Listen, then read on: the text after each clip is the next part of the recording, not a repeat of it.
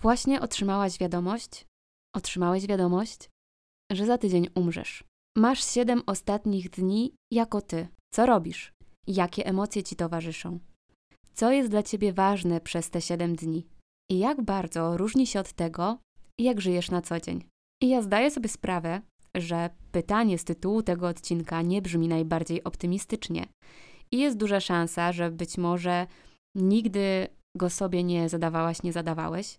Ja sama w sumie nie myślę o tym zbyt często z jednego prostego powodu.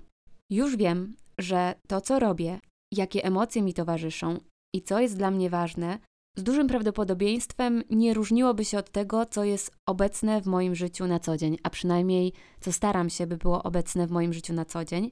I kiedyś, choć myślę, że zdecydowanie mniej świadomie niż teraz, założyłam sobie, że postaram się każdy dzień przeżywać tak, jakby miał być właśnie takim moim ostatnim dniem. I uwierz mi, że ta myśl stała się dla mnie jedną z najbardziej uwalniających myśli. Ja bardzo rzadko myślę o śmierci i o tym moim założeniu, za to całą energię wkładam w to, żeby żyć tak jak chcę, w zgodzie ze sobą. I jak niedawno się dowiedziałam, według czterech umów z książki Cztery umowy Ruisa Don Miguela, którą podczas tego odcinka kilka razy cytować będę. To jest podcast Slow Talks. Nazywam się Janna Toboła-Pieńczak i znajdziesz tutaj opowieści pomagające w samopoznaniu i rozwoju samoświadomości. Postawię tezę, że nie lubimy żyć w teraźniejszości. No bo poobserwuj choć przez chwilę swoje myśli i zauważ, że często albo błądzą one we wspomnieniach, wzdychając nostalgicznie za tym, czego już nie masz, lub rozpamiętując trudne historie, które też już są w końcu za tobą, albo te myśli żyją wizją kolejnego dnia, miesiąca, może roku, z taką nadzieją, że przyszłość przyniesie ze sobą coś lepszego, wytęsknionego, albo że ta przyszłość przynajmniej będzie bezpieczna.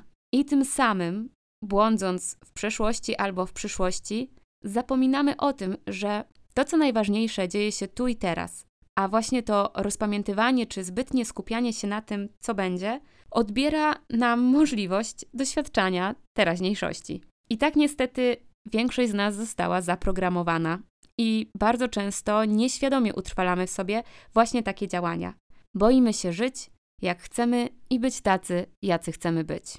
I tu od razu nasuwa mi się pierwszy cytat ze wspomnianej na początku książki, który brzmi: Być żywym to największa obawa, jaka dręczy ludzi. Śmierć wcale nie jest największym lękiem, jaki nas prześladuje. Największym lękiem jest podjęcie ryzyka, by żyć i by wyrazić to, kim naprawdę jesteśmy. Być sobą to największy człowieczy lęk. Nauczyliśmy się żyć tak, aby sprostać cudzym wymaganiom. Nauczyliśmy się żyć zgodnie z poglądami innych ludzi z powodu lęku, że nas nie zaakceptują i że nie będziemy dla nich wystarczająco dobrzy. Lubię ten cytat, w sensie jest dla mnie taki mocny.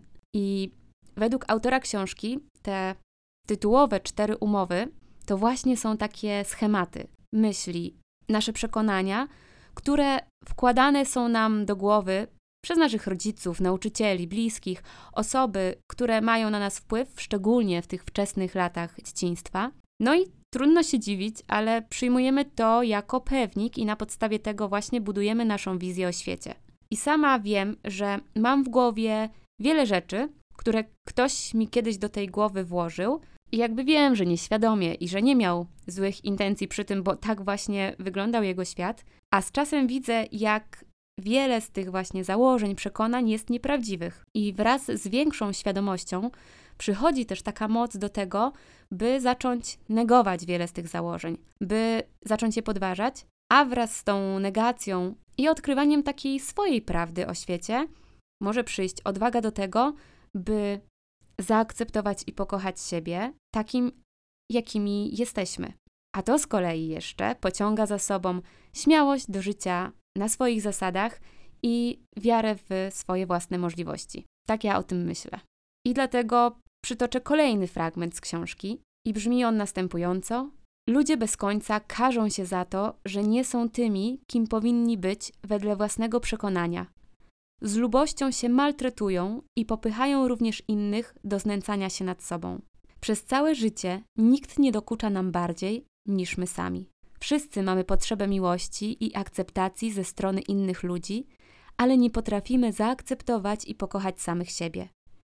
Im bardziej siebie kochamy, tym mniej nad sobą się znęcamy.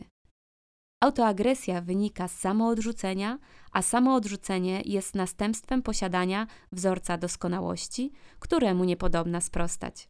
Właśnie ów wzorzec niedoścignionej doskonałości sprawia, że odtrącamy samych siebie, nie akceptujemy tego, jacy jesteśmy i nie akceptujemy innych takimi, jakimi są. I żeby właśnie zacząć, żeby pomóc sobie zauważać te przekonania i schematy, które mamy w głowie, autor książki dzieli się czterema naszymi umowami, które powinniśmy zawrzeć tak po prostu sami ze sobą. I zanim opowiem Wam o tych czterech umowach, to będzie jeszcze taka mała dygresja ode mnie, bo jakiś czas temu, po przeczytaniu zupełnie innej książki, trafiłam na te cztery umowy i wpisałam te pozycje na listę książek do przeczytania i zapomniałam o niej. Dwa tygodnie później nawet trafiłam na zgrabnie, fajnie napisanie streszczenie tej książki, takie podsumowanie głównych myśli, i w sumie uznałam, że te myśli mocno rezonują ze mną i są zgodne z tym, co siedzi mi w głowie, i, i tak zgadzam się z tymi rzeczami, które są tam, i staram się żyć w taki sposób.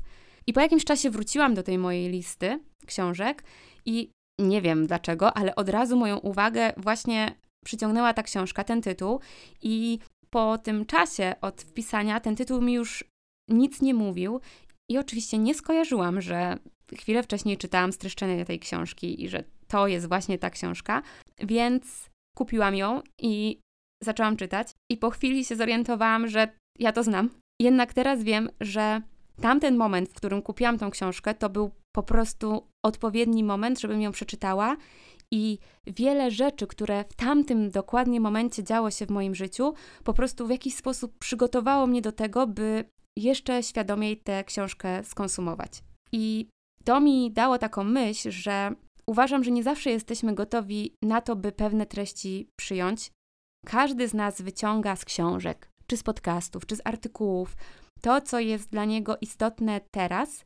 Dlatego, mimo że dzielę się tutaj tymi cytatami, to i tak gorąco zachęcam do przeczytania czterech umów i wyciągnięcia z tej książki to, co akurat ty potrzebujesz w tym momencie, bo być może wyciągniesz z niej zupełnie coś innego. I jeszcze, żeby bardziej ciebie zachęcić, to książka jest do przeczytania w 2-3 godziny. I teraz, jeżeli już wiesz, że chcesz przeczytać tę książkę i jedną ręką szukasz już w necie tej pozycji, to wyłącz ten odcinek, bo dalej będzie spoiler. W sensie opowiem o tych czterech umowach, podzielę się moimi myślami i tym, co najbardziej ze mną rezonowało podczas czytania tej książki. I to będzie taka esencja tego, co jest z mojej perspektywy ważne, a z drugiej strony będzie to puszczone też przez mój filtr i przez taką moją osobistą rzeczywistość. Więc proponuję, jeżeli chcesz przeczytać tą książkę, przeczytaj ją najpierw sam sama, wyciągnij dla siebie wnioski, a potem możesz skonfrontować to z tym, co ja wyciągnęłam dla siebie. A jeżeli dalej słuchasz tego odcinka, to przechodzę do pierwszej umowy, która brzmi: Szanuj swoje słowo. I teraz cytat: Słowo jest potęgą, którą sam tworzysz. Poprzez słowo wyrażasz swoją moc twórczą. To moc dana ci do opisywania, porozumiewania się, myślenia, a zatem do kreowania zdarzeń w Twoim życiu. No i tak jak nagrywałam w odcinku numer 17 o tym, że nasze myśli i słowa kreują nasz świat, jeśli myślimy o sobie źle, taki właśnie obraz siebie tworzymy i dla siebie samych, ale także na zewnątrz. Porównujemy się do innych, dążymy do tych ideałów, a nie dostrzegamy tego, jak dużo wspaniałych rzeczy mamy w sobie. I cenna jest perspektywa, którą przedstawia kolejny cytat, że wszystko, co czujesz, w co wierzysz lub co mówisz ze szkodą dla siebie, jest grzechem. Występujesz przeciwko sobie, ilekroć osądzasz się lub za coś się winisz. Bezgrzeszność to coś akurat przeciwnego. To szanowanie samego siebie. Druga umowa brzmi: nie bierz niczego do siebie. Kiedy bierzesz wszystko do siebie, stale czujesz się obrażony, reagujesz zażartą obroną swych przekonań i wywołujesz konflikt. Robisz z igły widły, ponieważ masz potrzebę posiadania racji i udowodnienia, że inni się mylą. To bym powiedziała kiedyś, że o mnie. Taki cytat. No i to jest taka piękna i bardzo silna myśl, bo odkąd zrozumiałam, że to, co mówią inne osoby, to nie jest o mnie. Tak naprawdę nie jest o mnie, tylko jest o nich samych, to zdjęłam z siebie właśnie tę chęć udowadniania, że oni się mylą i bronienia swojego wizerunku. To, że ktoś coś mówi, to nie znaczy, że to jest od razu atak na moje przekonania, na moją osobę. Ktoś przedstawia swoją wizję rzeczywistości. A to, że komuś nie podoba się moja praca, mój lifestyle, poglądy, to wcale nie oznacza, że ze mną jest coś nie tak.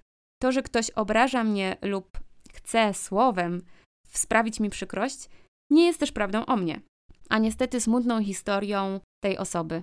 I ta myśl jest dla mnie bardzo cenna w kontekście nawet działania w sieci, gdzie można spotkać się z różnymi komentarzami od przypadkowych osób i kiedyś bardzo się tym przejmowałam, a wręcz przejmowałam się po prostu tym, dlaczego ludzie robią sobie takie rzeczy i skąd jest w nich tyle smutku i tyle rozżalenia, że są w stanie obcej osobie napisać tak niemiłe, hamskie, krzywdzące sprawy. Ale odkąd sobie pomyślałam, że to zupełnie nie jest o mnie i w żaden sposób nie ma sensu, żebym brała to do siebie, to zdjęłam sobie duży, duży ciężar z głowy. Idąc dalej, trzecia umowa odnosi się do tego, aby nie zakładać nic z góry. I na początek cytat. Sposób funkcjonowania ludzkiego umysłu jest niezwykle interesujący. Mamy potrzebę uzasadniania, wyjaśniania i pojmowania wszystkiego. Zrozumienie daje nam poczucie bezpieczeństwa. O tym już nieraz mówiłam. Stawiamy miliony pytań, które wymagają odpowiedzi, ponieważ istnieje tak wiele rzeczy, których nasz dociekliwy umysł nie potrafi objaśnić. Nieważne, czy odpowiedź jest prawidłowa, już samo jej sformułowanie sprawia, że czujemy się bezpieczni. Dlatego właśnie stale coś zakładamy. No i gdy ja sama zaczęłam zauważać, kiedy czynię te swoje założenia w głowie i gdzie one potrafią mnie zaprowadzić, a czasami potrafią zaprowadzić w bardzo dziwne miejsca, nagle moje postrzeganie świata się zmieniło, a ja poczułam się taka wolna i, i zaufałam sobie i zrozumiałam, że nie na wszystko muszę znać odpowiedź i nie muszę tej odpowiedzi szukać, a tym bardziej nie muszę nic zakładać, bo to, że ktoś zachował się w jakiś sposób, może wynikać z tak wielu rzeczy, że nie ma sensu, żebym ja skupiała tam swoją energię, żeby znaleźć odpowiedź. Może jest łatwiej po prostu na przykład zapytać kogoś, a nie samemu kreować sobie historię w głowie.